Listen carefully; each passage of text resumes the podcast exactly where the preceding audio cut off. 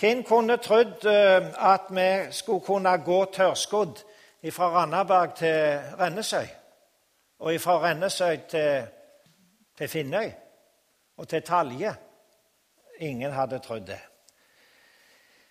Eh, og eh, jeg vet ikke jeg om vi lever så lenge at vi går tårskudd over til Tau og Fossan og slike plasser.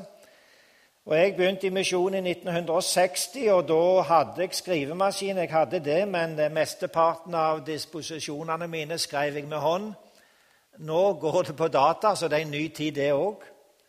En kan eh, bare huske på å lagre det. Det er veldig viktig. Det må lagres. Og hvor mange ganger jeg har brent meg på det. Jeg har endra på en del i et dokument, og så glemmer jeg å lagre det. Og så går jeg tilbake, så var det de gamle syndene som lå der. Så husk å lagre det. Men det er én ting Ja, og så har bibeloversettelsene De har forandra seg. Vi har uh, ulike oversettelser, men det er én ting som ikke er forandra. Det er Guds ord, og det er jeg glad for. Bibeloversettelsene har forandra seg, men ikke innholdet. Gud er den samme, og Guds ord det er uforanderlig det står til alle tider, og det kan vi stole på. Eh, vi skal holde oss i andre kongebok, men før vi leser det arket som dere har fått delt ut, som er teksten, så eh, vil jeg bare si det at eh, andre kongebok, det, eh, det første kapittelet, er om profeten Elias. Det andre kapittelet er når Elias ble tatt opp i ildvogna, og det var veldig spennende. Eh, det var Elisa, som også ble kalt for Elisha, og Elias. Eh, Elias, Elisa får kappen til Elias. Og så Før det så sier Elias til Elisa, Se, si hva du har, å ønske deg eh, før jeg blir tatt bort ifra deg. Og Da svarer han, la meg få ei dobbel del av din ånd. La meg få ei dobbel del av din ånd. Det er ei fin bønn, og det kan vi som uh, misjonsfolk og for oss som står på preikestolene, vi må be om vi må få mye av den ånd som uh, klarer å formidle Guds ord. Det tredje kapittelet er når Israels konge Joram kriger mot Moab. Og eh, det fjerde er når eh, profeten Elisa eh, hjelper ei, nylig, ei dame som nylig var blitt enke. Og ettersom jeg kan finne ut av Skriften, så hadde hun vært gift med en av profetens disipler. Så var han død, og så var det smått stell, og så fikk Elisa være til uvurderlig hjelp. Bibelen sier han fikk være til underfull hjelp. Slik står det.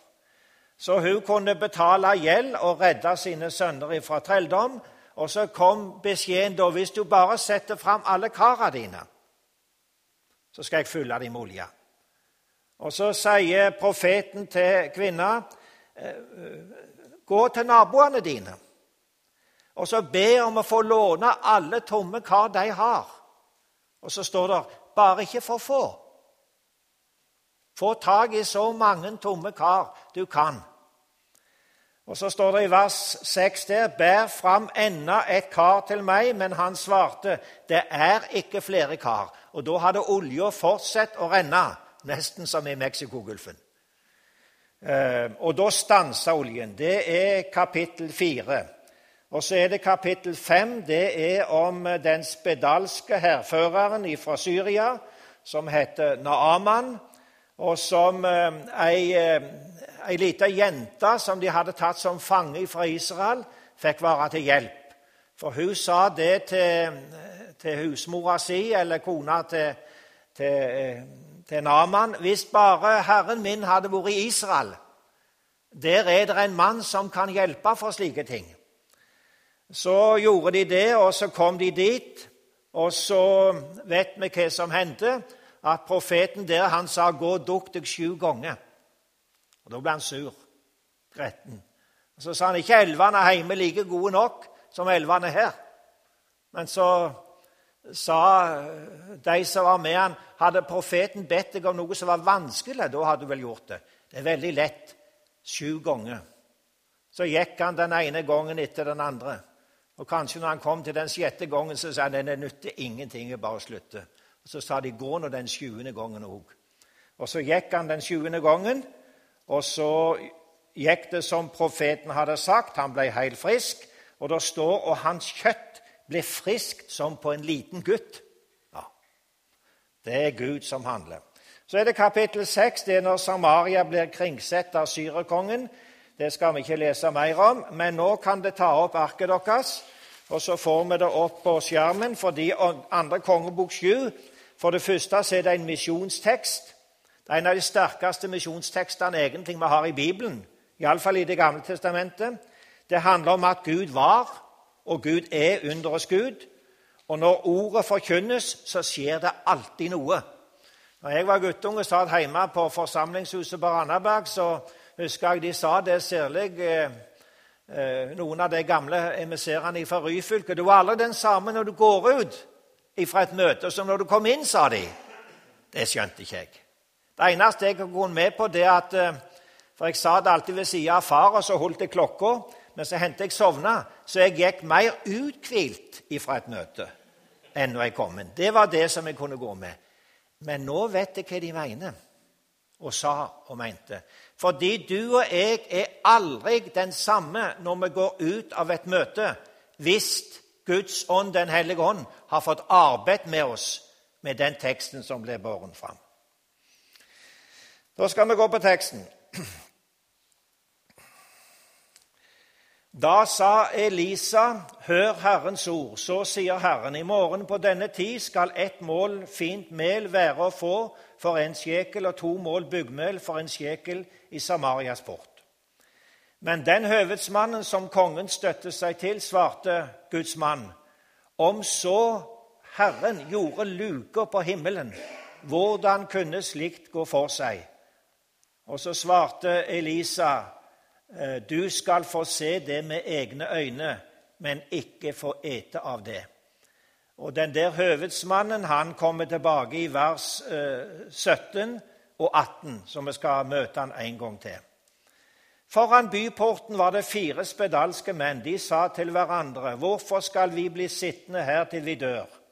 Sier vi, går, 'Vil vi gå inn i byen, så er det hungersnød i byen, og vi må dø der.' Blir vi sittende her, må vi også dø. Så kom nå og la oss gå over til syrenes leir. Lar de oss leve, så lever vi. Dreper de oss, så dør vi. De hadde altså tre alternativ som de tenkte seg ut, de fire. Det ene var vi kan gå inn i byen, men vi er spedalske, og straks vi kommer inn i byen, så dreper de oss. Den ene muligheten. Den andre muligheten var, som de sa, blir vi sittende her i byporten, det er ingen som gir oss noen ting, så vil det bare gå i ganske kort tid, så dør vi. To muligheter med begge utgang døden. Den tredje muligheten den hadde to utganger. For da tenkte de sånn Hvis vi drar til syrenes leir Vel, de kan ta oss, og de dreper oss, ja, så dør vi. Men hvis de lar oss leve, så lever vi. Det var det muligheten. Så sto de opp i skumringen og gikk over til syrenes leir. Da de kom til utkanten av leiren, fantes det ikke en mann der, for Herren hadde latt syrenes leir få høre lyd av vogner og hester, lyden av en stor hær. Da sa de til hverandre, du skal se at Israels konge har leid hetittkongene og kongen i Egypt til å gå imot oss. Så brøt de opp i skumringen og flyktet eh, altså syrerne. De forlot sine telt og sine hester og sine esler, hele leiren som den sto der, og flyktet for å berge livet. Da de spedalske kom til utkanten av leiren, gikk de inn i et telt og åt og drakk. De tok sølv og gull og klær der og gikk bort og gjemte det. Deretter vendte de tilbake og gikk inn i et annet telt og tok det som var der, og gikk bort og gjemte det. Det der var en underlig opplevelse for dem. De som kom ifra dødens leir, de var plutselig inn i en leir der ingen var imot dem, og der de kunne ta til seg av alt som de bare ville. Men, står det i vers 9, men så sa de til hverandre, det er ikke rett, det vi gjør. Dette er dagen da vi kan bringe et godt budskap. Tier vi stille og venter til morgenen gryr, så faller det skyld på oss. Så kom nå, sa de fire altså, og la oss gå inn og melde det i kongens hus. Så kom de tilbake til byen. De kom til, ropte til vakten ved byporten og fortalte det og sa, vi kom til syrenes leir. Det var ikke en mann å se der eller høre, men hestene og eslene sto bundet, og teltene var som de pleier å være. Portvakten ropte det ut, og det ble meldt i kongens hus. Da sto kongen opp midt da sto kongen om natten og sa til sine menn.: Jeg skal si dere hva syrerne har gjort mot oss. De vet at vi er utsultet. Derfor har de forlatt leiren og gjemt seg ute på marken. De tenker som så.: Når de nå drar ut av byen, så griper vi dem levende, så, og så kan vi komme inn i byen. Men en av hans menn svarte, La noen av dine folk ta fem av hestene som ennå er igjen i byen.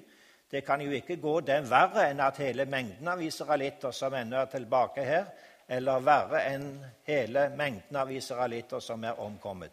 La oss så sende dem av sted, så får vi se. Da tok de to vogner med hester for, og kongen sendte dem etter syrenes hær og sa, dra av sted og se hvordan det har seg. Så drog de etter dem helt til Jordan. Hele veien lå det fullt av klær og utstyr som syrerne hadde kastet fra seg mens de flyktet i skrekk. Og sendebudene vendte tilbake og meldte det til kongen. Så gikk folket ut og plundret syrenes leir. Da ble et Det var litt av en eh, en konvoi, da, kan du tenke deg. Alle de halvsvultne og nesten sagt halvdøde, de kom seg ut av byen, og så raste de over til syrenes leir. Ehm, så gikk folket ut og plyndret syrenes leir. Da ble ett mål fint mel å få for en sjekel, og likeså to mål bygg for en sjekel, slik som Herren hadde sagt. Det står i vers 1 og 2.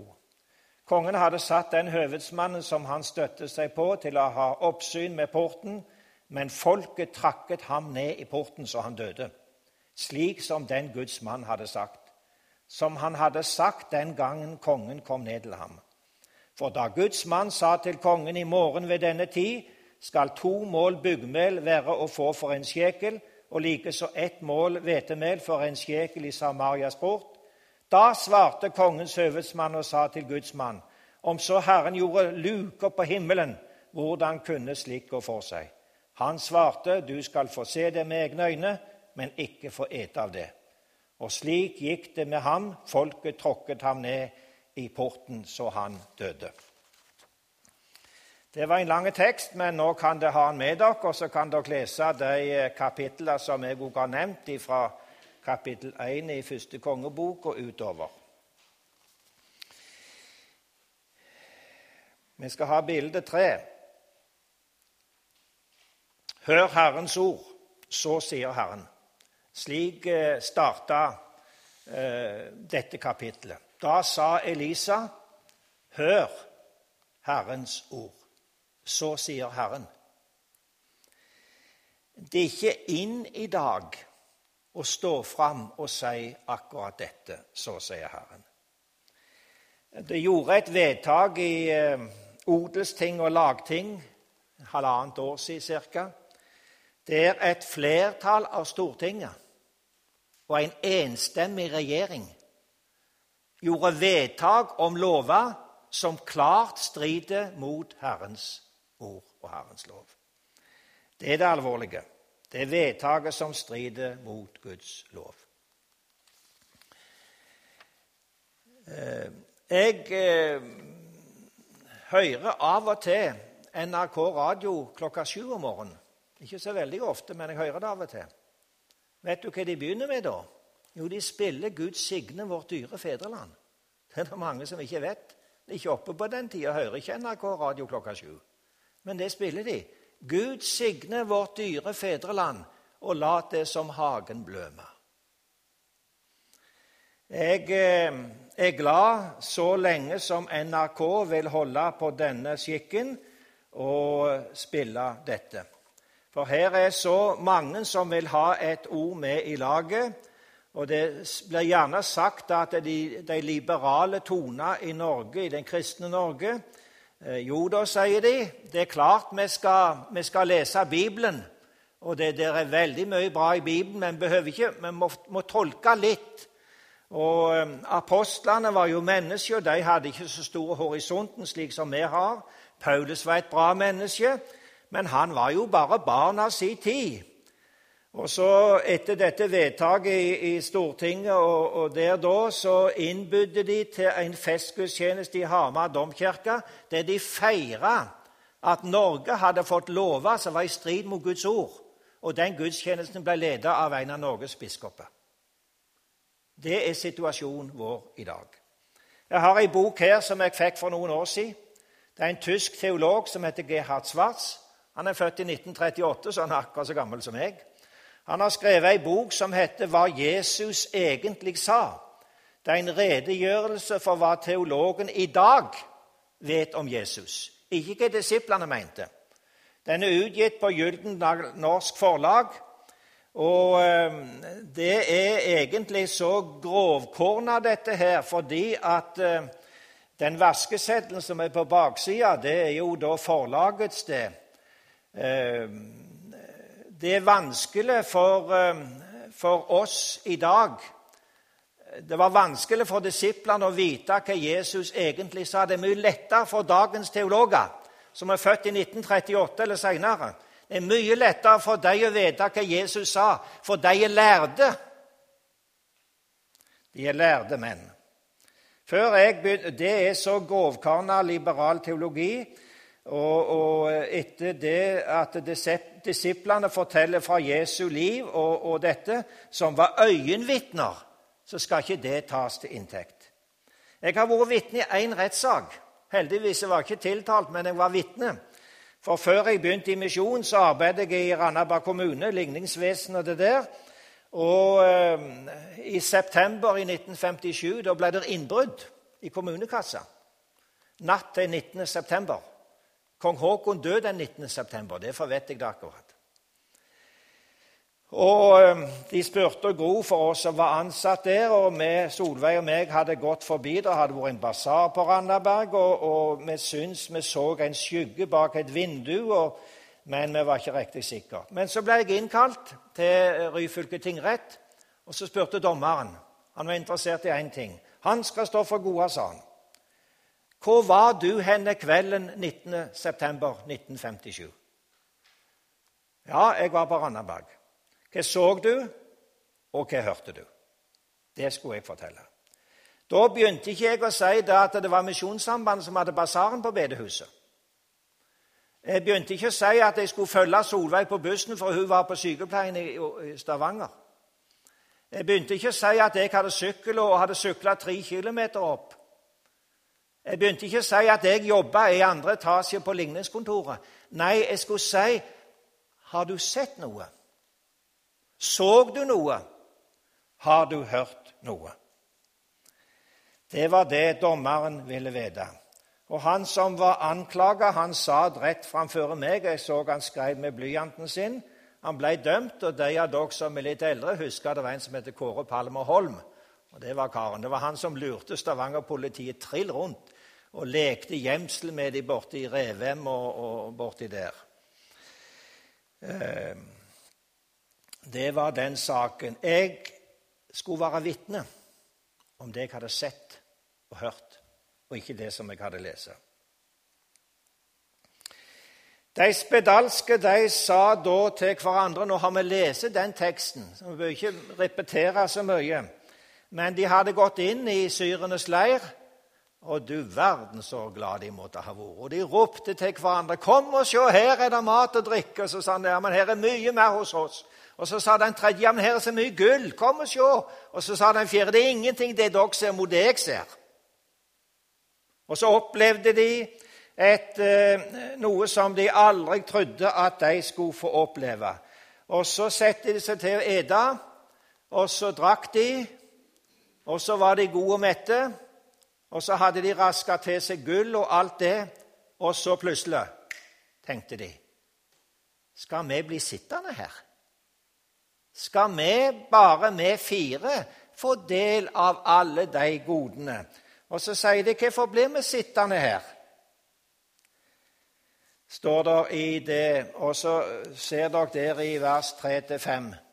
Hvorfor skal vi bli sittende?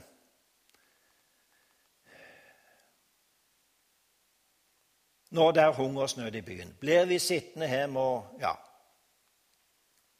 Ja, nå blander jeg litt. De, de satt der i byporten, og det var det. De ble enige med seg sjøl. Nå har vi én av fire muligheter. Og Så brukte de den siste muligheten, og så gikk de inn i syrenes leir. Og Da skal vi ha det nye bildet her. Der kommer det. Og når de hadde ete og, og sittet og skrøt godt alle fire, så sa de det er ikke rett det vi gjør her. I dag kan vi bringe et godt budskap. Tider vi stille og venter til det blir morgen, så faller det skyld på oss. De holdt på å dø av sult, men eh, de fikk oppleve For det første så opplevde de et høreunder. Hva var det for noe? Jo, for når de fire var på vei til syrerleiren, og de som var i fiendeleiren, de hørte lyd av vogner og hester, så Gud gjorde et under, slik at det ble en lyd så kolossal at syrerne tenkte vi må komme oss vekk fortest mulig, ellers så blir vi tatt på senga.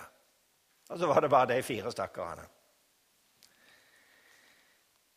Um, jeg har bibelverket hjemme, og et av eh, første, andre kongebok er det Njål Skurnes eh, som eh, skriver, og han skriver i bibelverket at larmen fra de spedalske Det var ikke mye larm fra dem, men larmen fra de spedalske ble forsterket i arameernes øre og bevissthet, og de tolket det som lyden av en hær.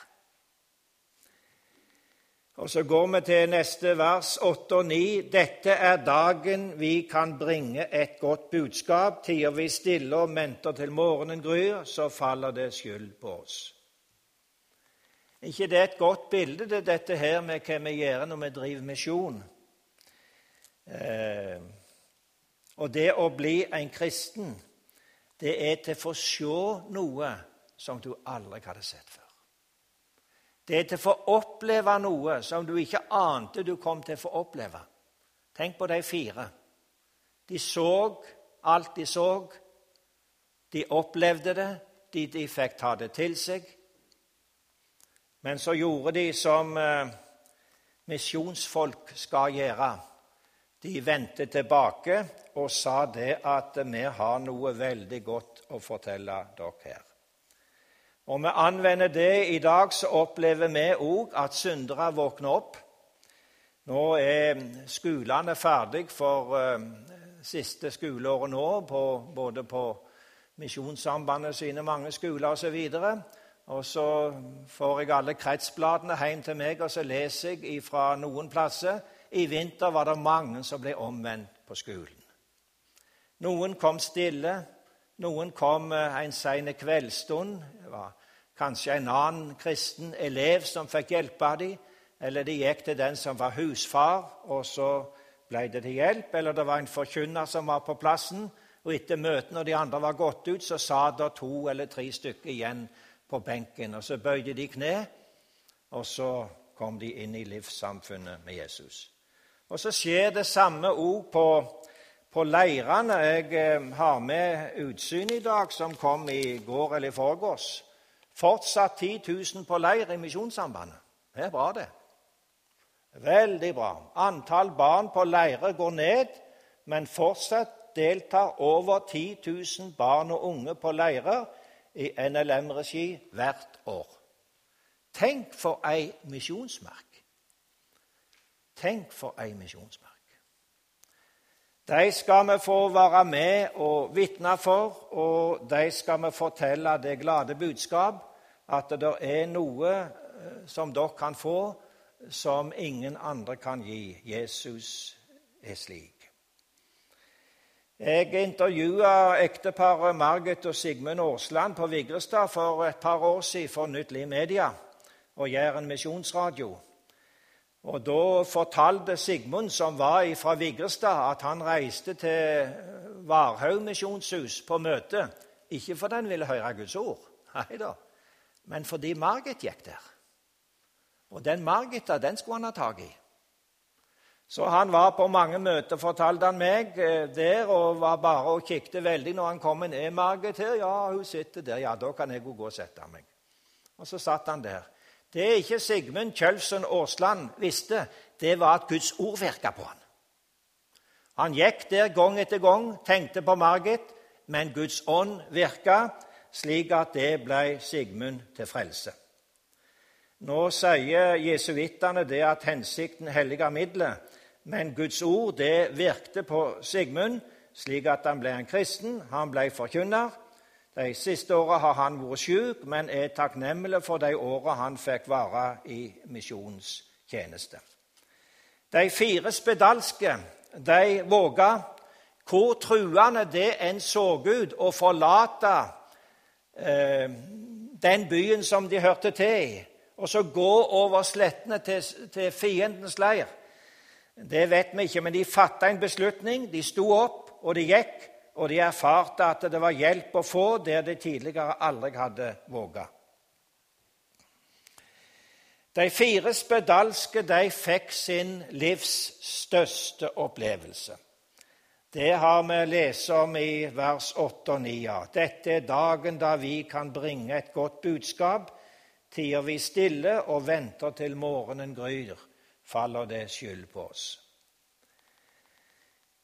Så er det et eh, spørsmål på seksen, ja. Hva er en forkynner for noe? Hva er en forkynner? Ja, det er en som har sagt det slik, og det syns jeg er veldig eh, Veldig sant. Og i denne forbindelse så var det fire spedalske som var forkynnere. Det var de som bar et godt budskap. Hvor mye teologisk utdannelse hadde de? Hvor mange år på bibelskole hadde de? Nei, de var fattige, men de kom tilbake, og så sa de det at vi har vært en plass der det er mat å få. Og en eh, forkynner det er som en fattig tigger som viser andre fattige tiggere hvor det er mat å få. Og jeg er en tigger nå som prøver å vise dere andre som sitter her, hvor det er mat å få. Og det er her i Guds ord. Gå til Ordet, hør Herrens ord, les Herrens ord, bruk Herrens ord, akkurat slik som det står. Tenk for en gledelig nyhet de spedalske hadde til folket i den hungersramma byen Samaria. Kom og sjå! Det er som den eh, samaritanske kvinne som vi leser om i Johannes 4. Hun hadde møtt Jesus ved, bryen, ved brønnen, Jakobs brønn utenfor byen Sykar. Tre kilometer å gå inn. Hun kom ut der midt på dagen, for da gikk ikke de andre og henta vann. Så slapp hun å få de kritiske slengbemerkningene. Men så møtte hun Jesus, og så skjedde det underet Betydde det at jeg skulle slutte? Det er klokka datt.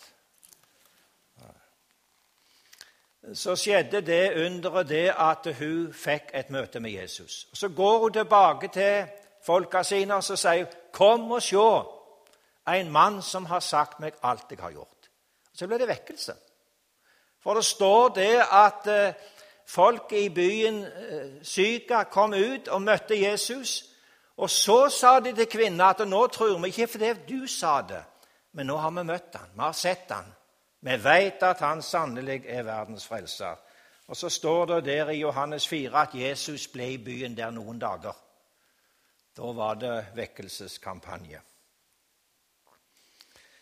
Og med det som de fire spedalske eh, fikk oppleve, så fikk de være det redskap at eh, bysbarna sine, som ikke ville gi dem mat, men som de kunne få lov å vise hvor det er mat å få. Hele byen i Samaria ble redde, nettopp fordi det var noen som våga. Og det var, De slo seg ikke til ro med det de hadde funnet i syrerleiren. Det kunne de hatt gjort. Og det er mange i dag som slår seg til ro. Nå har vi det godt, og nå behøver vi ikke gjøre så veldig mye mer. Dette er dagen da vi kan bringe et godt budskap. Og Så skal vi gå til neste bilde. Det er vers 2, og så er det vers 17-20. Den høvedsmannen Vi vet ikke hva han heter. Og vi vet ikke hva de fire spedalske heter. Denne høvedsmannen han eh, trodde nok at han visste alt. Eh, men han var, han var egentlig statsminister, for det står 'høvedsmannen som kongen støttet seg til'. Han var iallfall statssekretær. Minst det. Han ville ikke høre på profetens budskap. Og så sa han det om så Herren gjorde luker på himmelen, så det, det raste ned med vann og mat og alt så ville vi ikke tro. Hvordan kan det skje? Guds dom over vantroen er stilt oss alvorsfullt i denne teksten. Det leser vi om her, først i vers 2, og så er det fra vers 17. Der står det at kongen hadde satt den høvedsmannen som han støtte seg til, til å ha oppsyn med porten, men folket tråkket ham ned i porten så han døde. Og så står det det på slutten at eh, i morgen ved denne tid, sa gudsmannen, vers 18, skal to mål byggmel være å få for en sjekel, og likeså et mål hvetemel for en sjekel i Samarias port. Og så gjentar da dette i vers 19, som det står i vers 2. Da svarte kongens høvedsmann og sa til gudsmannen, om så Herren gjorde luker. Det der tror jeg ingenting av. Du skal få se det, sa profeten, men du skal ikke få ete av det. Og de som eh, lever i denne verden i 2010, og som veit litt hva kristendom er, de sier det, ja, ja, er du så dum du tror på dette, så får du nå bare tro det. Jeg hadde en god uh, trykkerikontakt når vi bodde i Skien. Og uh, han var ingen kristen. Og vi, Han samtalte litt. og Jeg skulle ha noen radioandakt. så jeg gikk til han med manuskriptene. Så sa jeg du, Kjell, kan ikke du lese igjennom de manuskriptene og se om det er noe du ikke skjønner? Og Jeg fikk tilbake med rød prent. Det ordet det skjønner jeg ikke, sa han. Og jeg forandra det til fordel for en ufrelst trykkerimann i Skien. Så sa jeg det at eh, Men du, eh, hvis jeg har rett at det er en himmel og en fortapelse. Det tror jeg. Du tror det ikke. Men sett nå at jeg har rett. Hva så med deg?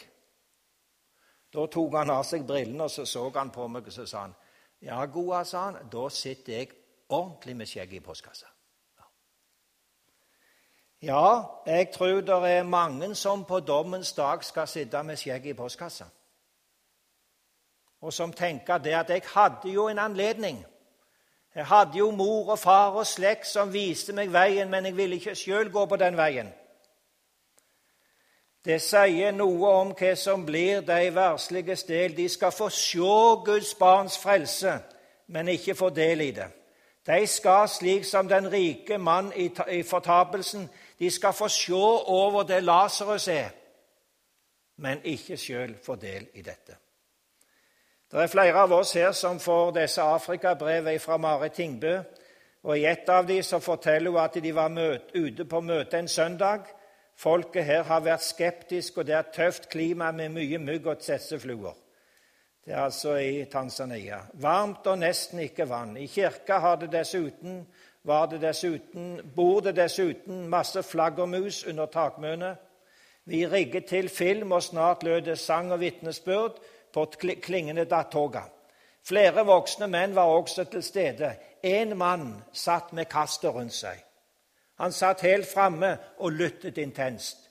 Etter en stund reiste han seg og sa, 'Hva er det jeg venter på? Jeg vil tilhøre Jesus.' Jeg vil tilhøre Han nå. Så reiste han seg opp og bekjente sine synder og ble en kristen. Dette er dagen da vi kan bringe et godt budskap. Dette er dagen når Inger Line og Knut Reier kan bære fram det gode budskap. Dette er dagen når Marit og Leif Tingbø kan bære fram et godt budskap. Dette er dagen når forkynnerne i regionen vår står fram på talerstolene og forkynner Guds ord.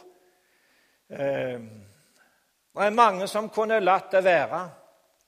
Marit og Leif jo, har jo hatt så mange år i Kenya at det var ingen som hadde reagert på om de hadde vært hjemme. Så reiser de ut til en ny periode, og så lærer de et nytt språk fordi vi kan ikke holde dette for oss sjøl.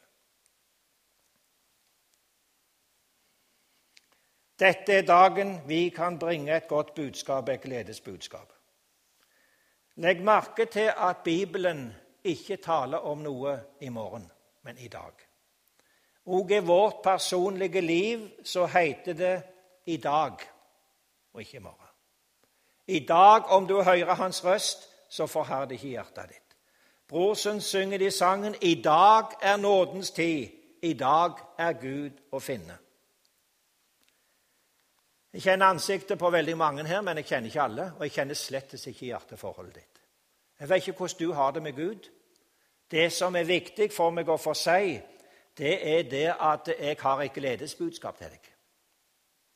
Jeg har et gledesbudskap til deg hvis du ikke hører Jesus til.